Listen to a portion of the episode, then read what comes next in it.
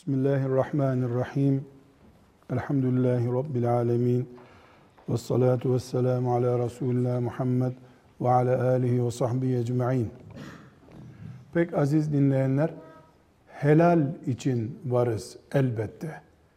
Müslüman camide namaz kılmak için Müslüman olduğu gibi Allah'ın kesin çizgileri olan haramları yok etmek için de vardır. Müslüman mücadele insanıdır. Bu mücadelesinin karşısında da Siyonizmden, batıl vesaire kavramlardan önce şeytan vardır. Şeytan cennetten beri insanın düşmanıdır. Cennetten beri insanın harama düşmesi için uğraşmaktadır.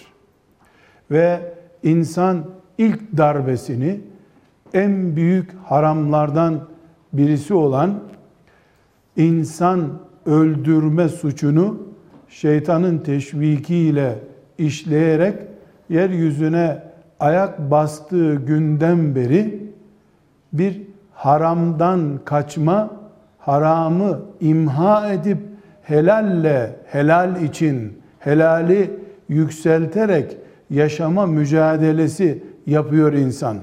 Müslüman evine çekilmiş insan değildir. Helal yiyen insan da değildir.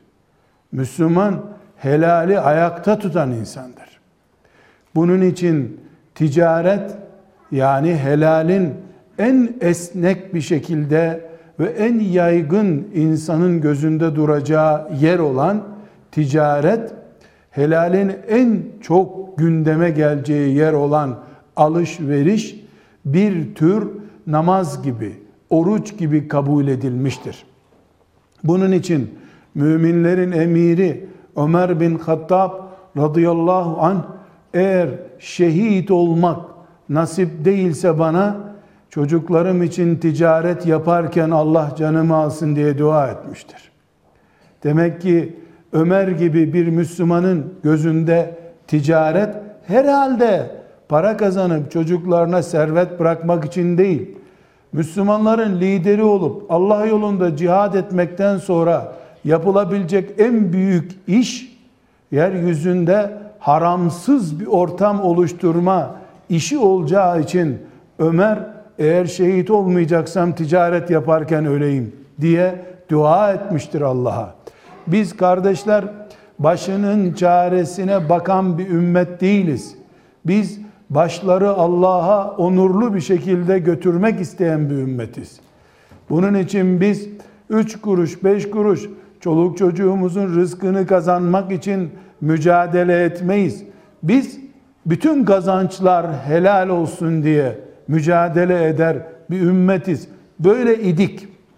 Mevcut durumda işte gemisini kurtarana kaptan desinler mantığıyla alınan yol esasen bizim gitmemiz gereken yol değildir.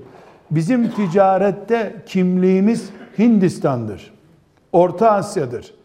Bu topraklar Müslüman tüccarın ahlakı sayesinde kılıç kullanılmadan fethedilmiş topraklardır.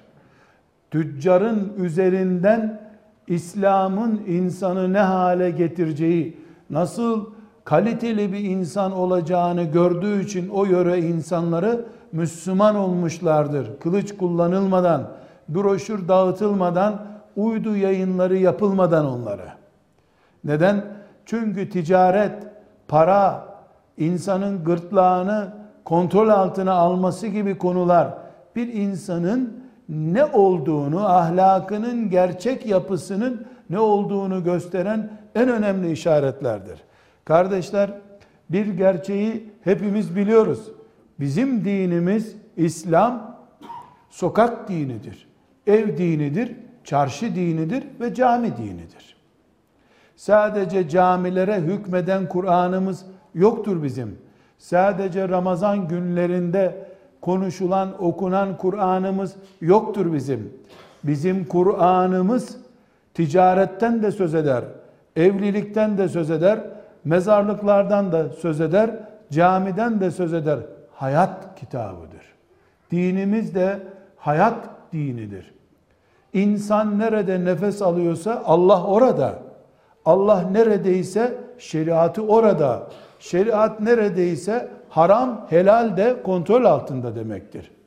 Dolayısıyla Müslümanlar bir ülkeyi fethetmekten, filan şer güçle mücadele etmekten önce haramın kaynağını kurutmak zorundadırlar. Haramlar kurumadıkça kaynak olarak helal münbit bir arazi bulamayacak demektir.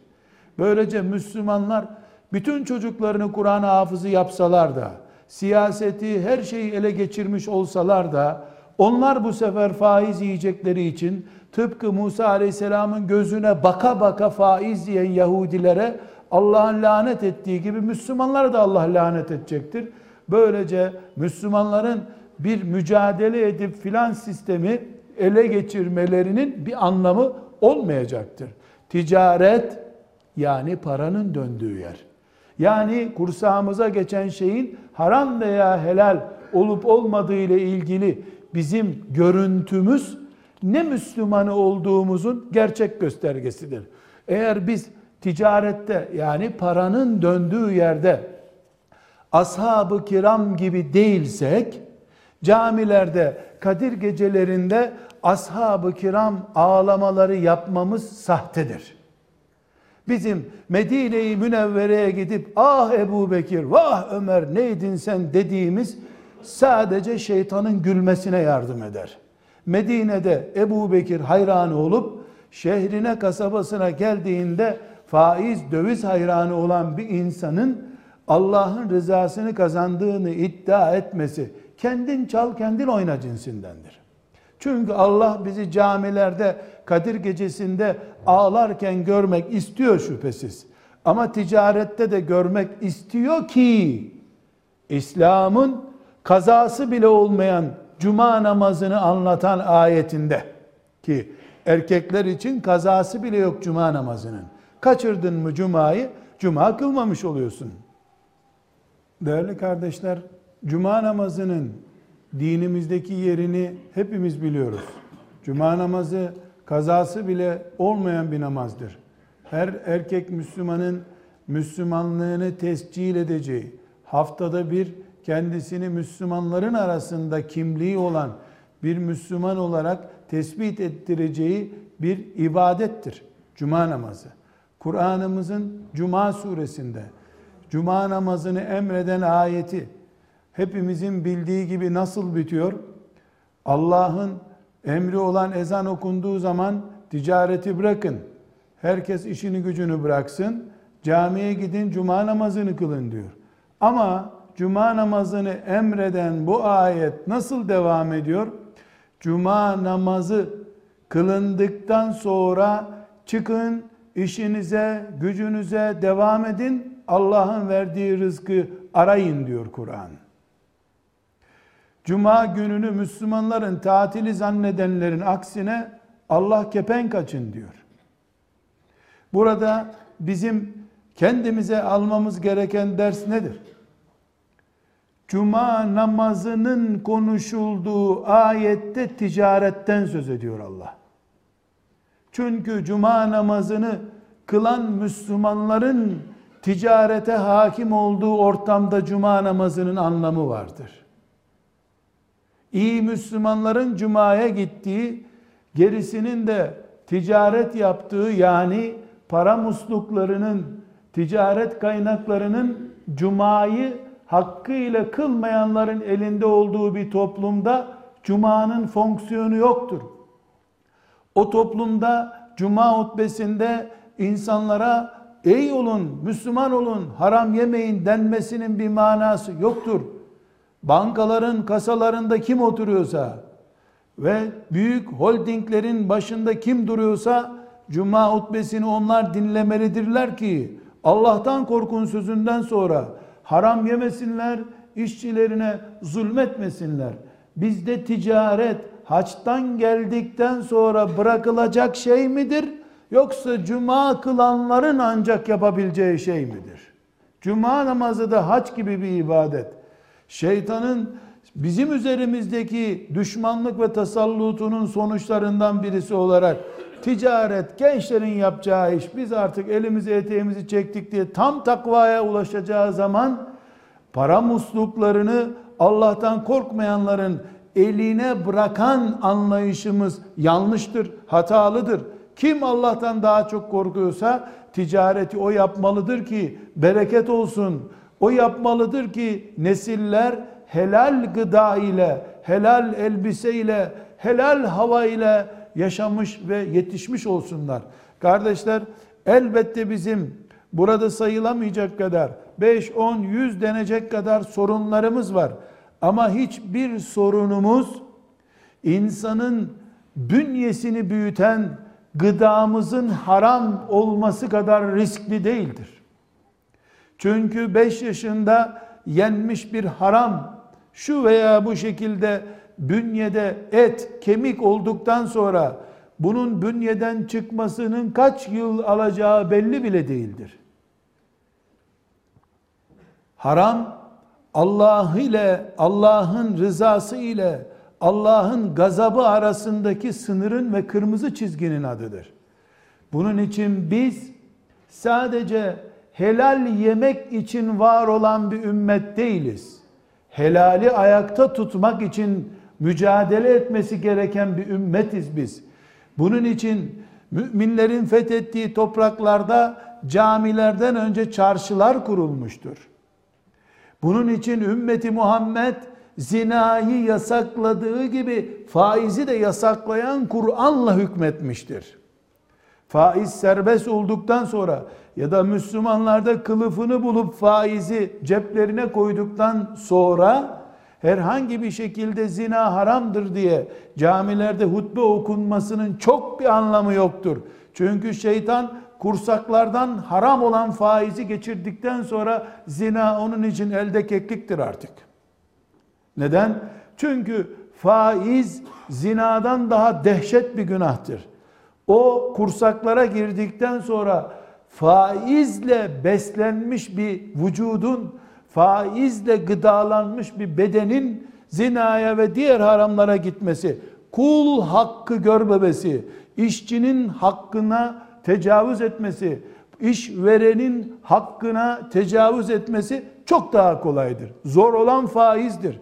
Çünkü Allah zinayı Kur'an-ı Kerim'de ahirette cezalandırılacağı büyük bir suç olarak gösterirken faizi dünyada Allah'la savaşmak gibi çok ağır bir suç olarak karşımıza çıkarmaktadır. Bir toplumun kızlarının tesettürlü olmasından önce bir toplumun erkeklerinin hacı hoca görüntüsü veren sakal bırakmalarından önce sofralarındaki gıdanın, üzerlerindeki kıyafetin, oturdukları kanepelerin, dolaştıkları sokakların haramlarla bezenip bezenmediği bizim için çok daha önemlidir.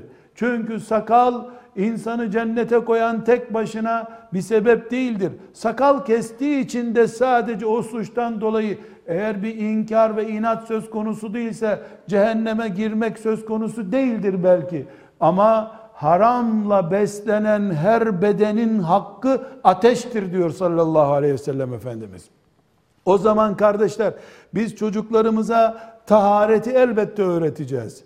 Ama bu dünyada haram yememek için var olan bir ümmet olduğumuzu da öğretmek zorundayız. Hoca efendilere çocuklarımızı yaz veya kış herhangi bir mevsimde götürdüğümüz zaman buna dinini öğret deyince daha bu abdesti öğrensin yeter. Bir de hatmederse çok yeter. Zannetmeyelim. Asıl o yaşta çocuk haram savaşçısı olmalıdır. Öcü yerine haram bilmelidir. Düşmanın en büyük düşmanın şeytan olduğunu, şeytanın en büyük silahının da haram yedirtmek olduğunu, bir kere harama alıştırdıktan sonra gerisinin sökün edeceğini hoca efendiler 10 yaşına gelmeden çocuklarımıza öğretmelidirler. 10 yaşındaki çocuklarımız baba sen bugün bankadaydın haram almış olmayasın dedikleri gün Allah'ın rahmeti bize inecek demektir. Keşke çocuklarımız şu veya bu okulda şu medresede okuyacak yerde ben bu evde yemek yemem.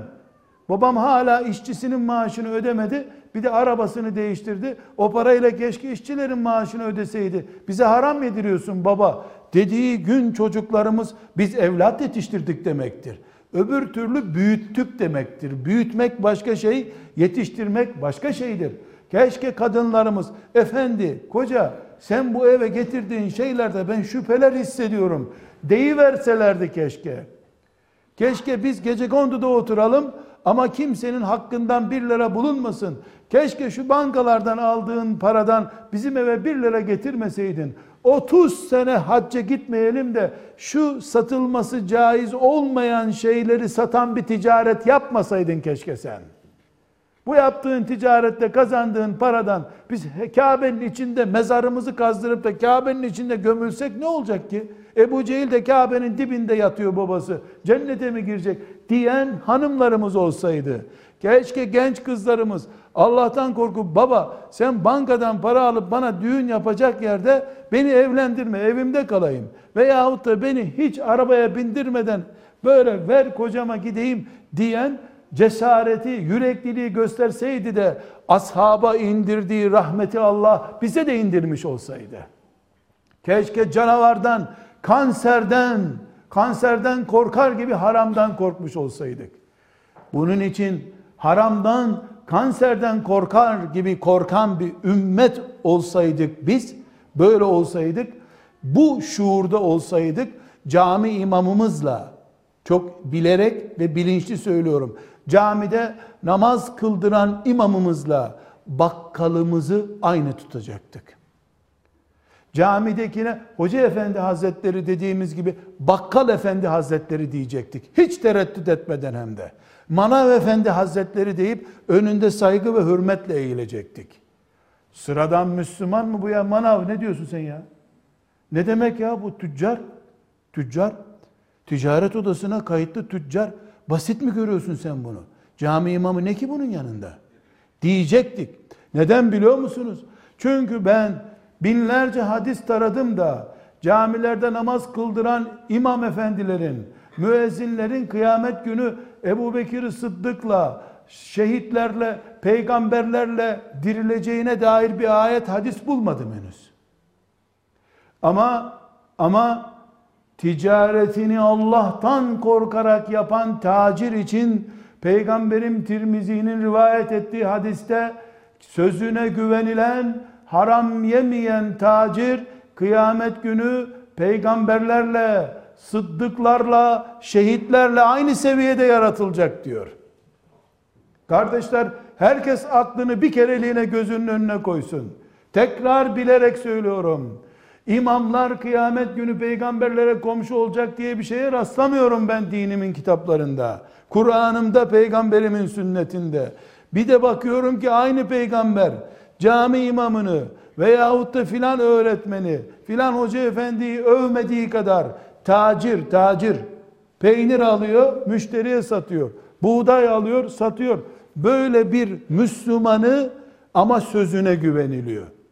İmza atmasına gerek yok. Pazartesi 9 dediyse 9'dur o.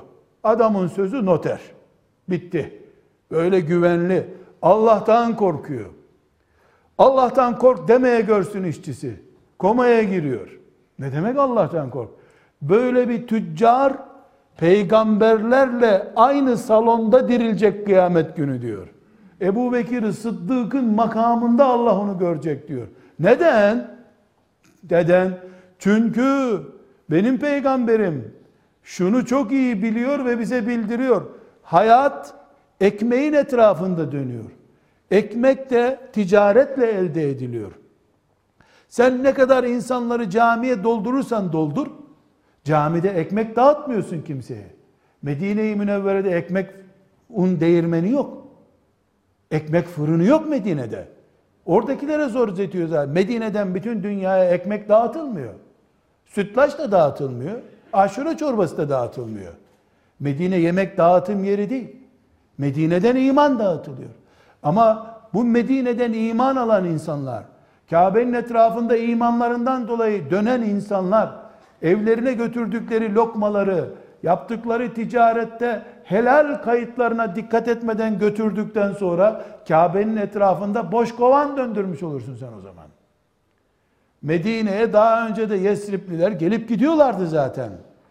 Peygamberim benim hayatın özü olan ekmeğin kazanıldığı, rızkın onda dokuzunun kaynağı olan tüccarın, ticaretin erbabının üzerindeki haramlarla, yalan dolanla hacca gelip, umreye ziyarete gelip kabrinin başında iki yüzlü olarak durmasından çekindiği için, bunu ümmeti adına ayıp gördüğü için filan alime vaat etmediği şeyi tacire vaat ediyor da tüccar eğer doğru olursa, Allah'tan korkarsa ona peygamberler gibi karşılanmayı müjde ediyor.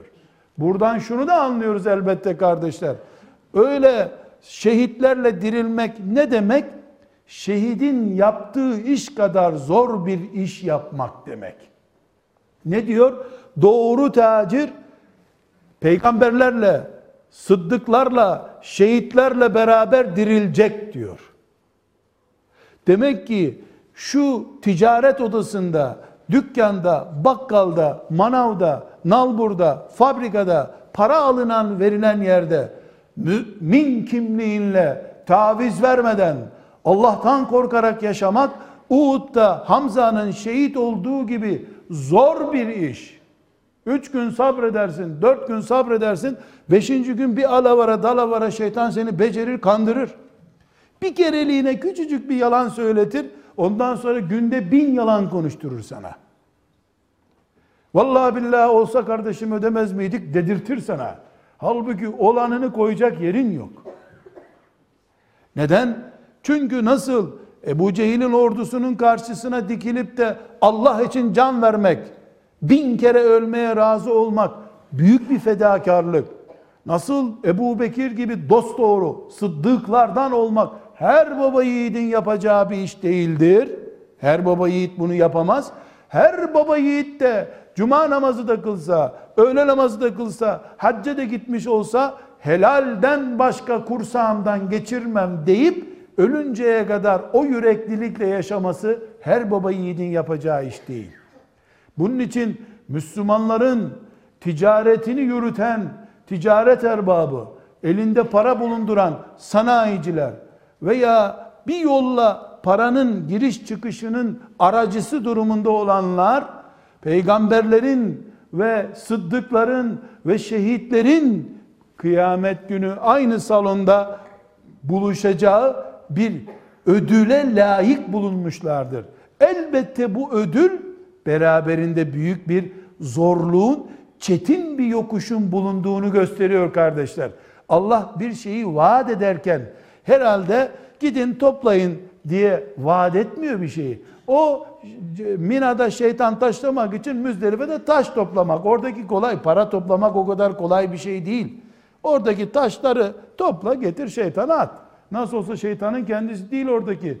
Ama Allah'ın haramlarından, kul hakkından arındırılmış, faizden arındırılmış, hileden arındırılmış, yalandan tecrid edilmiş bir para kazanmak kesinlikle Hamza'nın radıyallahu anh Uhud'da şehit olmasından daha basit görülebilecek bir iş asla değildir. Asla değildir. Çok değerli. Bunun için Allah Kur'an-ı Kerim'de Furkan suresinin 20. ayetinde peygamberlerinden söz ederken ve önceki peygamberleri Peygamber Efendimiz sallallahu aleyhi ve selleme tanıtırken biz senden önce de peygamberler gönderdik. Onlar da yemek yerlerdi, çarşıda pazarda ticaret yaparlardı diyor. Peygamber Efendimiz'e de ne ne işaret vermiş oluyor? Demek ki yemek yemek insanın doğal kimliğini yansıttığı gibi aynı şekilde peygamber de olsan çarşı pazar adamı olacaksın. Çarşılara, pazarlara yön verdiğin zaman zaten peygamberliğin tecelli etmiş olacak senin. Nuh aleyhisselama kimse kötü adam demiyordu. Herkes onu iyi adamsın da Nuh bu işlere ne karışıyorsun diyorlardı. Nuh aleyhisselam çarşıya hükmedemediği için 950 sene yatırım yapamadı. İbrahim Aleyhisselam çarşıya söz geçiremediği için ama Muhammed Aleyhisselam Medine'nin çarşısının mührünü elinde bulundurduğu için 10 sene sonra insanlığa veda hutbesi okuyup faizi de ayaklarının altına alıp gitti. Medine'de çarşıyı kuran Muhammed olmasaydı o aleyhissalatü vesselam 10 sene değil 30 sene sonra bile insanları Arafat'ta, Mina'da, Müzdelife'de toplayıp faizi ayaklarımın altına aldım, çiğnedim, bitti faiz bu dünyadan diyemezdi. Önce helali sağladı. Çarşı, çarşı bizim çarşımızdır. Bu çarşıda bizim sözümüz konuşulur. Bu çarşıda bize hile yapan bizden değildir diye kurallarını koydu. O kuralın arkasından da Peygamber aleyhisselam Efendimiz bu dünyada şunu yasakladım, bunu yasakladım deyip insanlara övdüğünü yaparak Rabbine gitti. Kardeşler bir şeyi vurgulamak istiyorum. Şunun bilinmesini istiyorum. Biz ticaret odalarını camilerimiz gibi görüyoruz. Çünkü haram yiyenler camiye de gitseler temizlenemeyecekler o haramdan. Öyle cenaze konmuş çocukları koca koca adamlar cenazenin başında bekliyorlar. Hakkını helal ettin mi diyorsun. Zaten adamın sevmeyenleri orada değil. He, helal ettik diyorlar. Alıyorsun cennete götürüyorsun adamı. Bu filmi kime seyrettireceksin kıyamet günü? Nerede bu kadar kolay mı helalleşmek? Camiler, cenazeler kime helallik sağlamış? Önce dükkanda helallik sağlanacak. Benim kitabım, Kur'an'ım cenaze namazını kılmadan önce şu ölünün borçlarını ödeyin diyor. Önce borç ödenir. Yazdığın çeklerin, imzaladığın senetlerin ödensin. Verdiğin sözleri yerine getir önce. Ondan sonra gömelim seni. Peygamber öyle yaptı. Aleyhissalatü vesselam. Alacağım duruyor ya Resulallah diyene e o zaman cenazesini kılmam bunun dedi. Peygamberin kılmadığı cenaze ne demek? Bir faydası olmayacak cenaze demek. Din bu kardeşler. İşte din. Bu nedenle biz ticareti, alışverişi, çarşıyı, pazarı camimizden ayırmayız. Filan şehirde çok cami olması elbette beni mutlu eder. Ama filan şehirde esnafın Allah'tan korkup haram yemeyen esnaf olmasından daha mutlu olurum. Neden biliyor musunuz? Çünkü camisi olmasa bir şehrin meydanda toplanır karın üstünde bile o namazı kılarız biz. Ama esnaf haram yedikten sonra camiye gelseler de namazın bir faydası yok onlara. Helal kazanmak camide namaz kılmak kadar belki yeri gelir camide namaz kılmaktan daha önemli. Çünkü insanların tamamı camiye gelmek zorunda değil. Kadınlar gelmek zorunda değil, çocuklar gelmek zorunda değil, ya ihtiyarlar, hastalar gelmek zorunda değil ama herkes ekmek yemek zorunda. Ekmek davası insanlığın herkesi kuşatan doğan çocuk doğduğu dakikadan itibaren yiyip içmek zorunda. Ama 10 küsür yaşında bir daha namaza başlayacak. Yeme içmenin helalliği hatta çocuk doğmadan önce annesinin rahmine düştüğü dakikadan itibaren besleniyor. Orada bile helalle beslenmesi gerekiyor. Bizim mücadelemiz helal mücadelesidir. Sadece çocuklarımızın düğününü helal bir şekilde yapmamız yetmiyor. Çocuklarımızın ana rahminde daha dünyaya gelmeden önce annelerinin kanından beslendikleri zamanlarda bile helalle beslenmeleri için mücadele etmemiz gerekiyor. Burada çok önemli bir şeyi vurgulamak istiyorum kardeşler. Şimdi biz haram deyince hep çalmayı düşünüyoruz. Yani işte haram ne demek? Gidiyorsun birisinin mağazasından çalıyorsun. Onun adı hırsızlık. Zaten dünyada dinsiz devletler bile bunu suç sayıyorlar. Hırsızlığı öven ya da sakıncası yok herkes çalabilir diyen bir sistem dünyada kurulmadı henüz. Ona çete deniyor. Nizam sistemde böyle bir şey olmaz. Hırsızlığı Müslümanın konuşmasına gerek yok. Zaten çalmaz Müslüman. Ama Müslüman çalmadığını zannederek götürür. Nasıl götürür? İşte üç gün sonra vereceğim işçinin hakkını der. İşe 10 dakika geç kalır. bu 10 dakikanın da para ettiğini, işçi de 3 gün geç kalınca ödemediği faturalardan ceza yiyeceğini, bunun da kul hakkı olacağını düşünemez. Direkt hırsızlık yapmaz Müslüman zaten. Zaten yapamaz. Kanunlar onu kuşatıyor. Ama helalleştirilmiş gibi hırsızlık yapabilir. Bir. İki, yalan konuşarak rızık elde eder. Bu yalanda kesinlikle onun kursağından haram geçmesi demektir. Üç, asrımızın belası olan, en büyük musibeti olan bir haramların sultanı, haramların şahı denecek faiz belası vardır. Adı kredi olur, adı destek olur, adı köstek olur onu anlamam ben. Faiz mi faiz? Ne demek faiz? 3 aldın, 3.25 ödüyorsun. Niye 3 aldın da 3 ödemiyorsun? E adam para verdi sana. İşte sana borç veren verdiği borcun karşılığını fazladan aldığı zaman faiz alıyor demektir. Buğday verip de buğdayı da fazla alsa aynı şey geçerli. Bu din verdiğinden fazlasını almayı haram eden bir dindir. Buna da faiz demiştir. Asrımızın belası budur. Kimse alenen çalmıyor, kimse gasp etmiyor zaten ama faize bin bir tane isim uydurarak şeytan evlerimize, mutfağımıza bunu sokuyor. Bir de mesela bir şeytan fetvası daha söyleyeyim. Şimdi 10 bin lira faiz girdi. O faizi evine götürmüyor çocukları haram yemesin diye. Onunla ne yapıyor? Fabrikanın yakıtını karşılıyor. Atölyenin elektrik parasını ödüyor. O elektrik parası olarak ödeyeceği öbür 10 bin lirayla da ekmek alıyor. Bu ne oldu? Paranın seri numarasını değiştirip helalleştirmek oldu. Buna kimse inanmaz aslında. Bir de daha derin müftü olursa şu fetvayı da verebilir. Kömür al onunla mesela. Bir de yakmış ol. Anasını yak faizin şöyle. Bin derecede yansın kömür. Kömüre vereceğin para ne olacak? Onunla hacca gidecek. Buna aslında inanmaz ama bir kere kaymaya başladın mı ayağın bir karda kaymaya görsün senin. Ondan sonra nereye çarpacağın belli olmuyor işte. Kardeşler sevgili Peygamber aleyhisselam efendimizin şu fani alemden giderken veda hutbesinde anlatacak hiçbir şeyi yok muydu? 6000 küsür ayeti olan Kur'an'dan bula bula niye sadece faizi buldu? Niye namaz kılın aman ha namazı ihmal etmeyin demedi? Dikkat edin son sözü Peygamber aleyhisselam efendimizin insan öldürmek, faiz yemek ve kadınlara zulmetmektir. Ve Allah'a şirk koşmaktır. Demek ki gözü arkada kalacağı şeylerin bir tanesi de faizdi Peygamberimizin. Bunu adı gibi biliyordu da veda hutbesinde bunu bize vasiyet ederek gitti. Elbette bankaya gidip yüzde yedi faizle şunu ver bana demiyor Müslüman.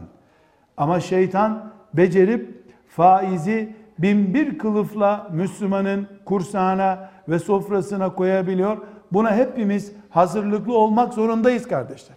Kardeşler bir büyük gerçek var ortada.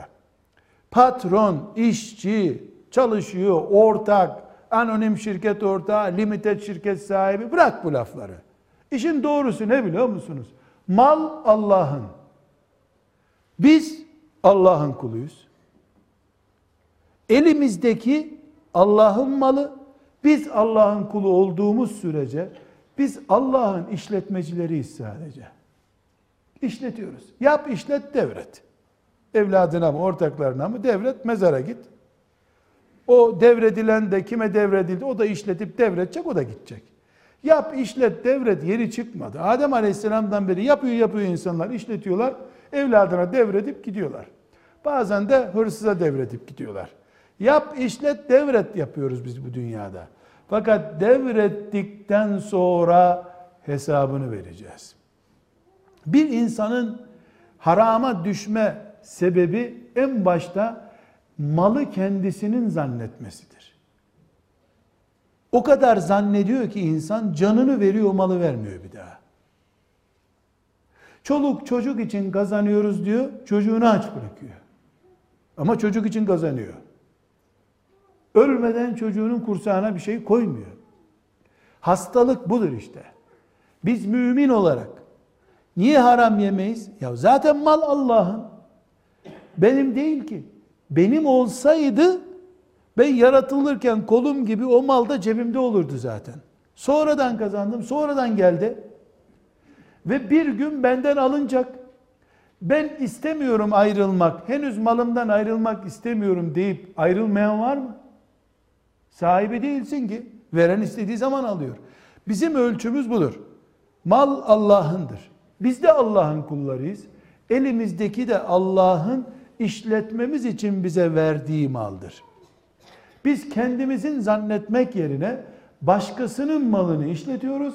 İşletme payı olarak da eve bir şeyler götürmemize izin veriyor. O kadar. Böyle düşünen bir mümin bir defa zekattan kırpamaz. Sadakadan, hayırdan kaçamaz. Haram yiyemez. Allah'ın kulusun. Senin yanındaki işçiler de Allah'ın kulları zaten. Bir tür onlar da senin gibi işletmeciler. Seninkine hisse düşüyor, onunkine maaş düşüyor. İşletmede böyle bir kural koymuş. O kadar. Bir zamanlar senin de maaşın vardı, hissen yoktu. Statünü değiştirdi Allah, yaşlandın seni buraya koydu. Kendimizi Allah'ın adına işletmeci olarak görürsek Karunlaşmaktan kurtuluruz. Süleymanlaşırız. Süleyman ne dedi? Bunlar hep Allah'ın beni imtihan etmek için verdiği şeyler. Şükretmem de ne yapam ben dedi. Bu Süleyman mantığı. Karun ne dedi? E bunlar benim. Ben kazandım dedi. Bir mümin her pozisyonunda, kazandığı her lirasında veya kazandığı her servetinde, elde ettiği her apartmanında veya dükkanında Karunlukla Süleymanlık arasında teste tabidir. Rabbim bir zamanlar oturacak bir koltuğum bile yokken bu mülkü bana sen verdin. Ben şimdi senden nasıl kaçırırım? Diyen de kulu Allah'ın. E neler çektik biz bunu kazanırken şimdi niye veriyorsun durup dururken? Haram kazanmadık ya zekat verip temizleyeceğiz bunu. Hayır. Sonra biz Ramazan'da verdik zekat zaten. Trilyonda birinden bir şey vermiş böyle koklatmış fakire bir şey. Ramazan'da verdik. O da kime veriyor ama? Mesela yarın menfaatine dokunacak bir grubun yakınına akıtıyor o kaynağı. Oradan da istifade edecek sonra çünkü. En azından cenazeleri olunca o kurstan birkaç talebe çağıracak hafız Kur'an okutmak için. Bu da bu da faize yapılmış bir yatırım. Çünkü bir tür borç veriyor, karşılığını alacak. Yatırım yapıyor. Tüccar kafası mı denir buna? Yanlış işletme yapan işletmeci mi denir? Onu bilemiyorum. Her pozisyonumuz bizim kardeşler e, Süleymanlaşma veya Karunlaşma pozisyonudur. Her bankadan hesabımız bize geldiğinde oturup şimdi Süleymanlaşma rolünde miyim, Karunlaşma rolünde miyim? Bunu test etmek mecburiyetindeyiz. Ve şunu unutmuyoruz kardeşler. Biz mescitte de Müslümanız, tezgahta da Müslümanız. Biz tesbih çekerken de Allah deriz, para, para çekerken de Allah deriz. Biz 99 defa Subhanallah deriz, 99 tane lirayı da öyle sayarız. Neden? Çünkü Rabbim bana cuma namazı kıl dediği gibi çarşıya da git dedi. Benim çarşım Diyanet İşleri Başkanlığı'na bağlı değil, ticaret odasına bağlı diye dinimden ayrı değil. Keşke Diyanet İşleri Başkanlığı'na bağlansa demiyorum. Keşke Diyanet'te, ticarette bir halifeye bağlansa da bu dertlerimiz olmasaydı bizim diyorum. Öyle yama, pansuman tedavi istemiyorum ben. Pansumanla o iş olacak gibi değil. Her halükarda biz mescitte Müslümanız. Evde Müslümanız. Ticarette Müslümanız. Fabrikada Müslümanız. Otobüse bindiğimiz zaman Müslümanız. Çünkü her yerde Allah'ın gözü altındayız. Bir yer yok ki ben Allah'ın gözü altında olmayayım. Biz ticaret ümmetiyiz. Biz Kur'an ümmetiyiz. Biz namaz ümmetiyiz. Bizim Rabbimizin kontrolü dışında yapabileceğimiz hiçbir şey yok. Tuvalete girerken bile hangi ayağımı kullanacağımı tembihleyen Allah kasalar dolusu paranın içinde beni serbest bırakar mı hiç? Kardeşler burada düzeltilmesi gereken birinci nokta çocuklarımıza abdest öğretir gibi ne zaman abdest öğretiyorsak abdestin ikizi olarak helal öğretmek zorundayız. Çocuklarımızı özellikle markete götürüp yavrum bunları Allah soframızda görmek istemiyor tamam mı? Bunlara izin veriyor. Bunlardan da şüphemiz, şüphemiz var. İçinde ne olduğunu anlayamıyoruz. Anladık mı? Ders bitti. Hadi şimdi bakkaldan ne alacaksak alalım diye. Marketi sınıfa dönüştürelim. Helal ne yenir? Haram niye yenmez? Pratikte bunu yapsın. Hocalarımız çocuklarımıza elif cüzü öğretirken bir derste onları markete götürsün. Bir derste manava götürsün. Manavdan onlara 5 kilo şeftali alsın. Bakın tartıyor. Bak görüyor musunuz çocuklar burada tartıyor ya manav. Heh.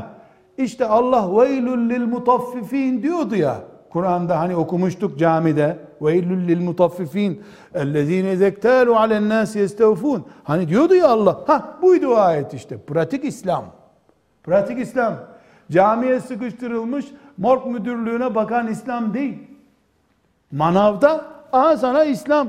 Veylül lil mutaffifin dükkanı burası. Bak tartıyor şeftalileri. Bak ibre nasıl geldi. Bak bin gram yazdı. Bin gramın ücreti bu. Eğer bu 980 gram yazsa bunun binde yirmisinin ücretini bizden almaması gerekiyor deyip eğitim vereceğiz. Çocuklarımız tahareti, namazı, Kur'an okumayı öğrendiği gibi helal mücadelesini de öğrenmeli. Sonra biz Filistin'den filan yerdeki zulümden söz ettiğimiz zaman çocuklarımızın aman hepiniz Filistin'e gidin türünden cihadı sadece Filistin'de yapılan Yahudi'ye karşı kıyam etmekten ibaret zannetmesin aman ha. Çünkü tek tarafından tutmuş olur İslam'ı. Nasıl tekkesine kapanıp akşama kadar tesbih çeken İslam'ın sadece bir bölümünü aldığı için aslında İslam'a zarar veriyor toplum bazında. Kendini kurtarıyor, İslam'da boşluk bırakıyor. Aynı şekilde e, savaşı, cihadı, Allah yolunda din yaşamayı ve dini yaşatmayı sadece Filistin'deki Müslümanların direnişi olarak zanneden birisi, bir genç, eğitimini bu kadar alan genç birisi, bankalar burnunun dibinde mantar gibi bittiği halde hala Siyonizmin Filistin'deki Müslüman ezdiğini zannedecek saf biri olarak yaşar.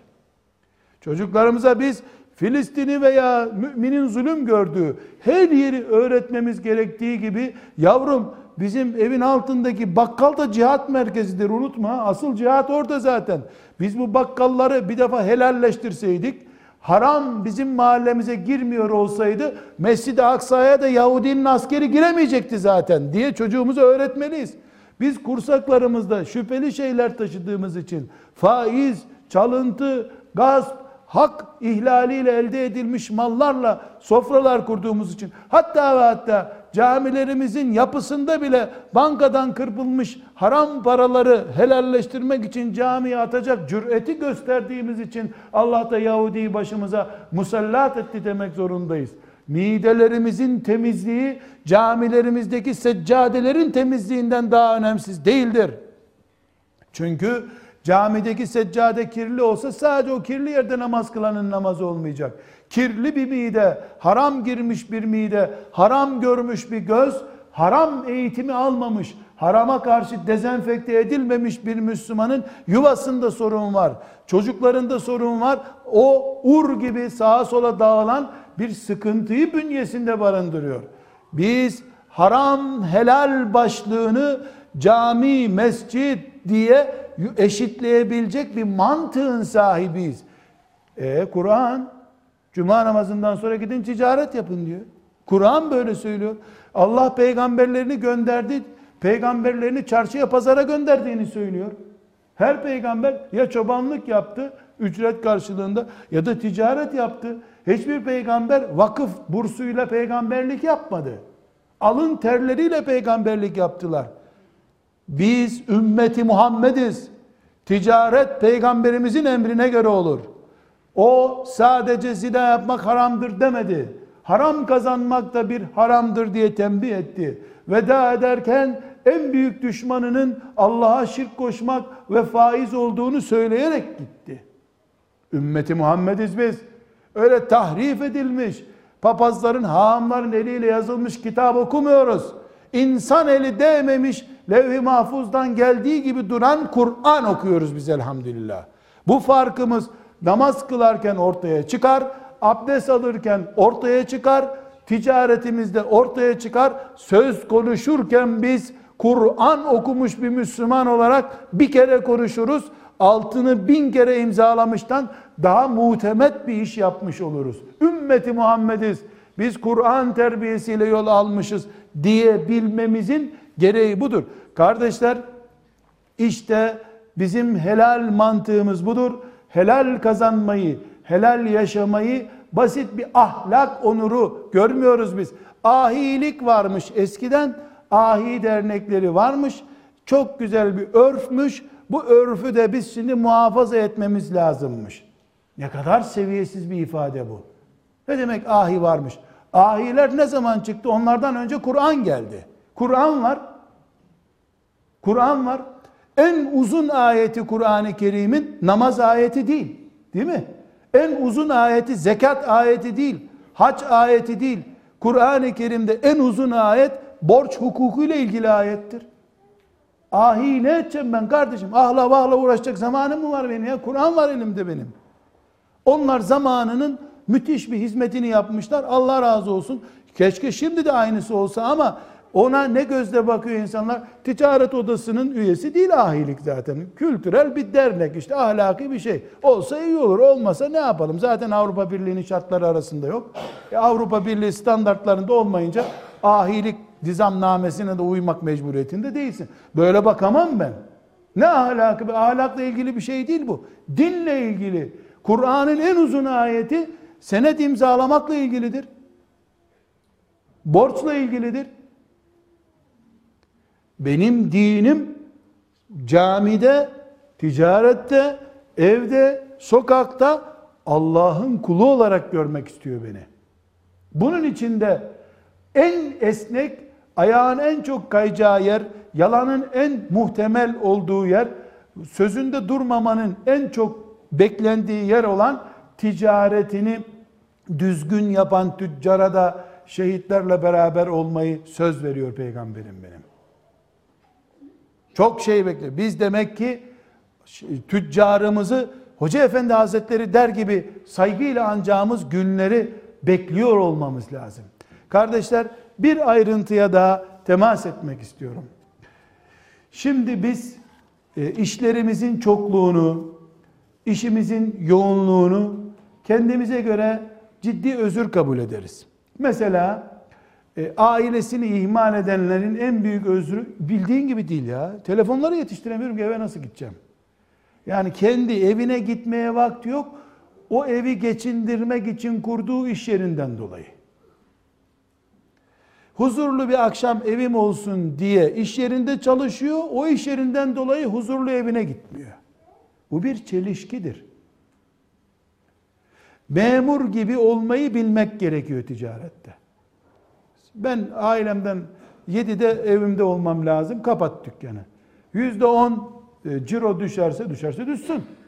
Yüzde on çocuklarımın beni baba olarak daha az görmelerindense yüzde on cirom düşsün. Eğer çoluk çocuğumun onuru için yaşayan bir babaysam,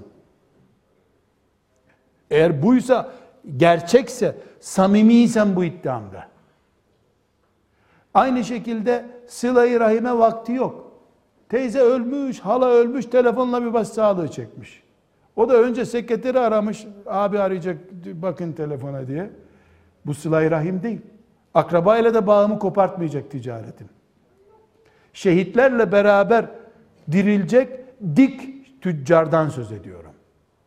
Sıddık insanlarla beraber Allah'ın huzuruna kabul edeceği tüccardan söz ediyorum.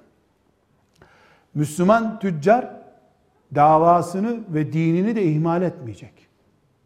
Toplantıya katılamıyor. İşler yoğun. E, destek ol, Vallahi işler iyi değil. Hani yoğundu, hani iyi değil. Ya, ya para ver ya kendin gel. E bildiğin gibi değil. Hep bildiğin gibi değil onun işleri. Bu kendimizle çeliştiğimizi gösteriyor. Bakınız Ümmü Seleme Efendimiz sallallahu aleyhi ve sellemin hanımlarından Ümmü Seleme annemiz bir hadise naklediyor. Hepimiz için çok önemli örnek. Hepimiz Ebu Bekir radıyallahu anh'ın Peygamber Efendimiz'i ne kadar sevdiğini, Peygamber Efendimiz'in de onu ne kadar sevdiğini hepimiz biliriz. Ümmü Seleme annemiz de bunu çok iyi biliyor. Ama diyor ki o kadar birbirlerini sevdikleri halde Ebu Bekir Medine'de peygamberi bırakar ticaretine giderdi diyor. Dışarı çıkardı Medine'den. İthalat, ihracatçı olarak çalışıyordu. Peygamber aleyhisselam da Ebu Bekir bu zor günde beri nereye bırakıp gidiyorsun demezdi diyor. Demek ki bir denge üzerine dostlukları devam etmiş. Ya sen benim dava arkadaşımsın dükkana gitme demiyor. Senin yüzünden benim ticaretim aksattı da demiyor. Biz ticareti aksatıp cami derneğine üye olup caminin tuğlalarını dizmeyi çok önemsemiyoruz. Onu da yapmayı, ticareti de yapmayı önemsiyoruz. Bunun adına denge diyebiliriz. Evimizde, çevremizde ve davamızda da tüccar kimliğimizde bulunduğumuz bir dengeyi sağlayacağız. Bu bizim için daha onurlu, daha dik bir Müslümanlık olacak.